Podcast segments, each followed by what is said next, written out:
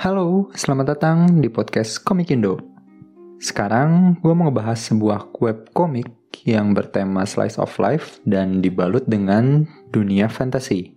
Komik ini pertama kali dipublish di tahun 2015. Sempat jadi salah satu kanvas komik di webtoon dan komik ini juga dicetak sebagai salah satu komik kompilasi di Komik Roma komik kompilasi ini langsung dapat penghargaan di acara festival komik setempat yaitu Pakoban dan TGR. Gak cuma penghargaan lokal, komik ini juga dapat Bronze Award di Japan International Manga Awards yang ke-10. Komik yang akan gue bahas ini berjudul Raru Rien karya Anne Maulina.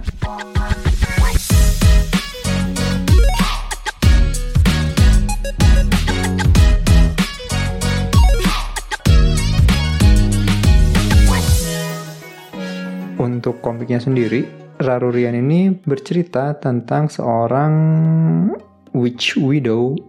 Eh, ini bahasa Indonesia-nya apa ya? Masa dukun janda? Enggak kayaknya. Apa ya? Penyihir janda mungkin ya. Ya pokoknya ini ada seorang perempuan namanya Rien. Dia punya bakat sihir, tapi sayangnya dia ditinggal mati oleh suaminya pada suatu kejadian tragis.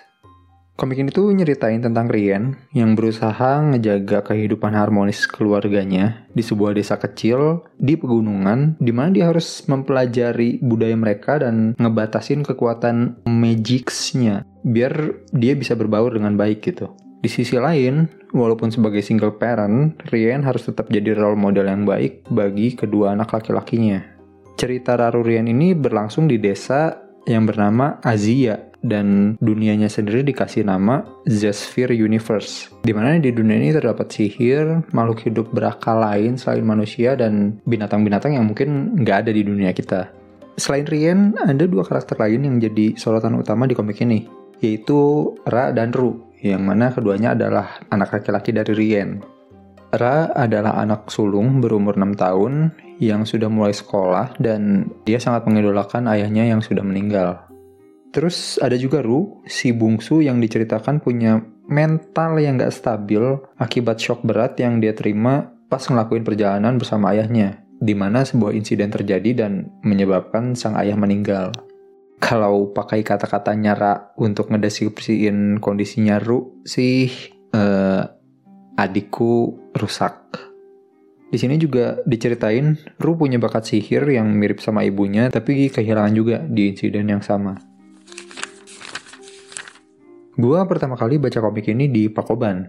Gue beli komik kompilasi premiumnya yang gue nggak bakal bohong, cukup menguras budget gue waktu itu, tapi worth it. Terus gue sempat baca juga di kanvas webtoon beberapa chapter dan terakhir baca di webkomiknya, rarurian.com.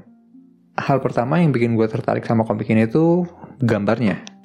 Ya ada kata-kata bijak yang bilang, don't judge a book by its cover. Tapi yang namanya cover kan tugasnya memang memberikan kesan pertama ya pada pembaca gitu. Gue pertama kali tahu Teh An ini sebagai ilustrator dan karya pertama kali yang gue lihat itu Sam Numit. Ya, polindrom dari Timun Mas. Dari situ gue terkesan sama gambar alam dan simbol-simbol etnis yang beliau punya gitu. Jadi pas pertama kali gue beli, gue mikir at least kalau gue nggak bisa tertarik sama ceritanya, mata gue termanjakan lah sama gambarnya gitu. Iya, kayak mbak-mbak yang lagi milih mau nonton drakor apa, dan ujung-ujungnya dia milih film yang ada aktor gantengnya. Katanya sih, seenggaknya minimal ada yang bikin mata adem gitu. Sorry, kejauhan. Kita balik lagi ke komiknya. Oke, pertama, gue cukup salut dengan dedikasi Tean untuk ngebangun universe Rarurian ini, yang notabene adalah komik slice of life. Yang mana komik yang biasa gue baca sih, biasanya pakai universe yang ada kaitannya dengan dunia nyata gitu. Toh cerita utamanya tentang gimana sih karakter ngejalanin kehidupan sehari-hari kan. Tapi komik ini tuh mau susah payah ngejelasin dunia tempat mereka tinggal, aturan dunianya, dan lainnya lah. Walaupun gue sebagai pembaca jadi punya PR tambahan, memahami dunianya, tapi gue ngerasa justru ini perlu dan ngebikin gue punya POV yang lebih netral.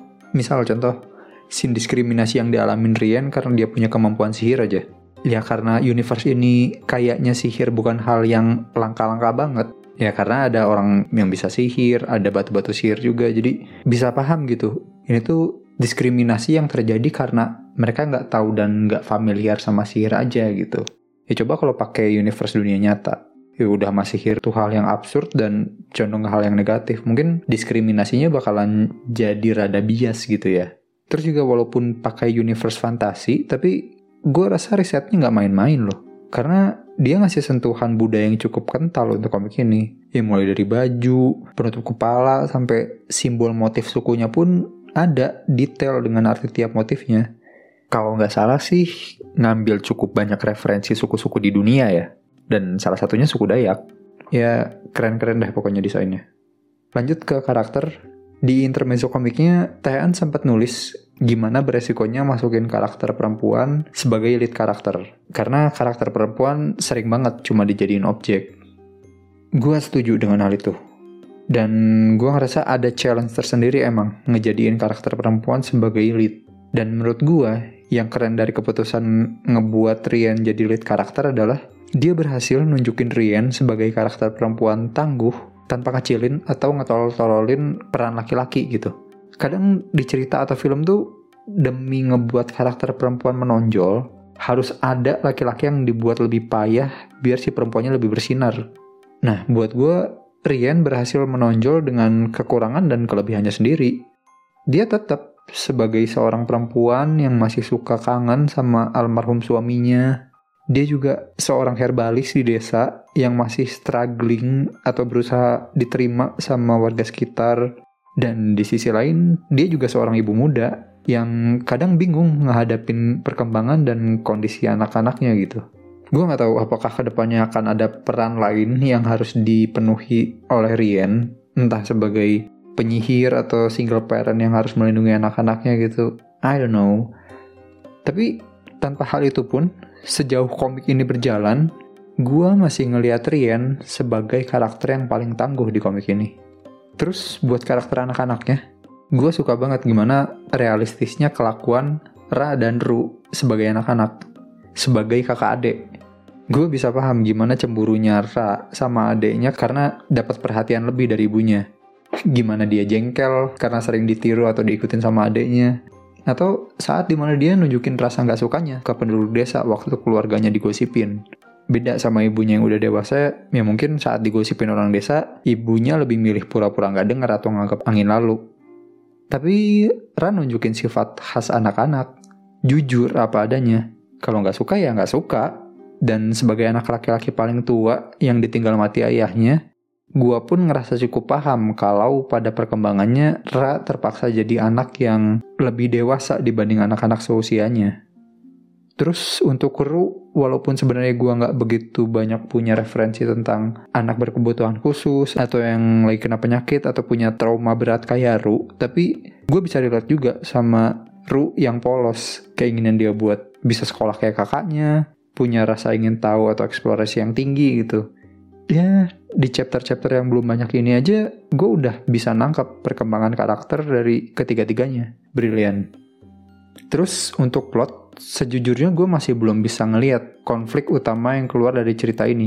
Tapi ya mungkin lagi-lagi, walaupun dunianya dunia fantasy, ini cerita slice of life yang intinya adalah keseharian keluarga kecil ini. Tapi sejauh ini cukup banyak ya kemungkinan-kemungkinan yang bisa jadi konflik besar gitu.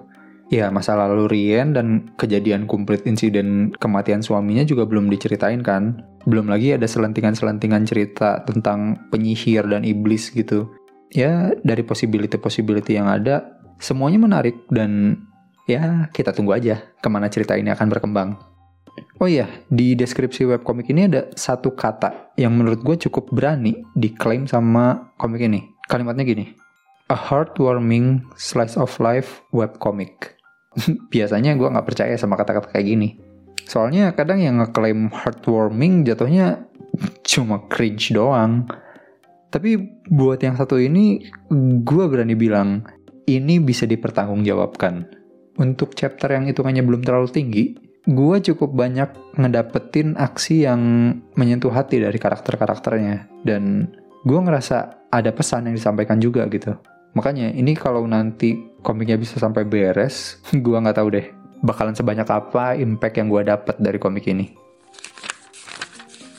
Jadi menurut penilaian gue pribadi, komik ini tuh komik yang kualitasnya oke, cukup sayang kalau lu lewatin gitu aja.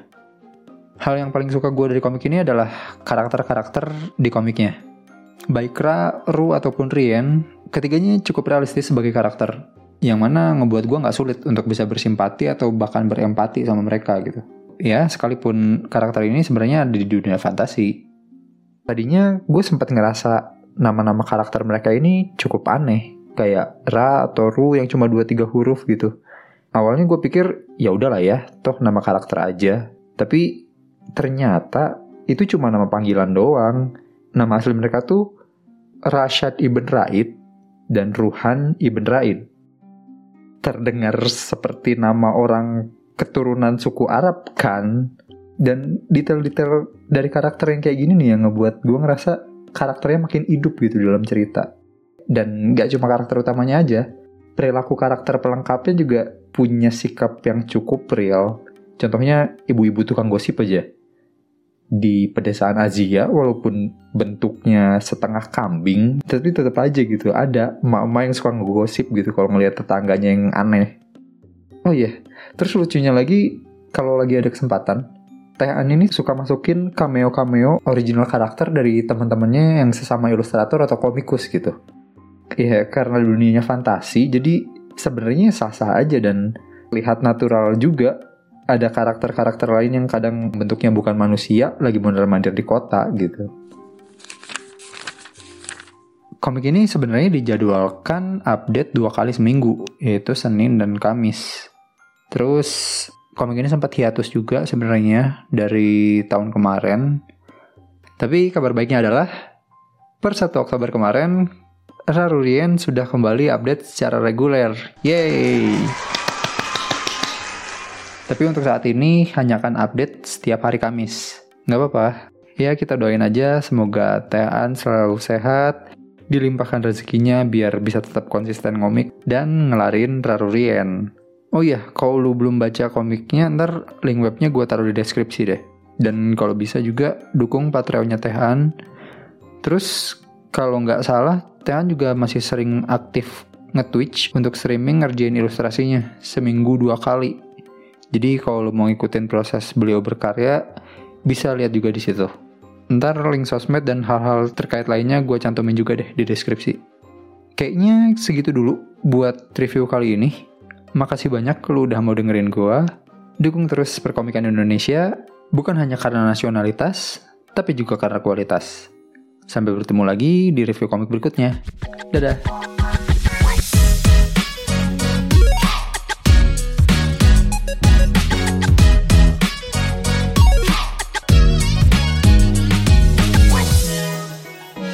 Oh iya, side notes. Sedikit cerita tentang komik kompilasi Chroma yang ada cerita Rarurian di dalamnya. Yang sempat gue bilang beli di event yang harganya mahal. Iya mahal banget, nggak bohong gue. Ya kalau boleh jujur mah harganya lebih dari 10 kali lipat harga komik Jepang normal sekarang lah. Tapi menariknya adalah dengan harga segitu komiknya tetap sold out. Jadi ya lu kira-kira sendiri aja deh segimana bagus komiknya. Atau mungkin kalau dari segi artwork aja. Kalau lu misal tahu atau pernah main game Horizon Zero Dawn yang di PS4, ya komik dari game itu tuh ilustratornya Tehan ini. Jadi ya mumpung sekarang karyanya beliau bisa dibaca gratis di webkomiknya, mending buruan cek deh kalau belum baca updatean terbarunya.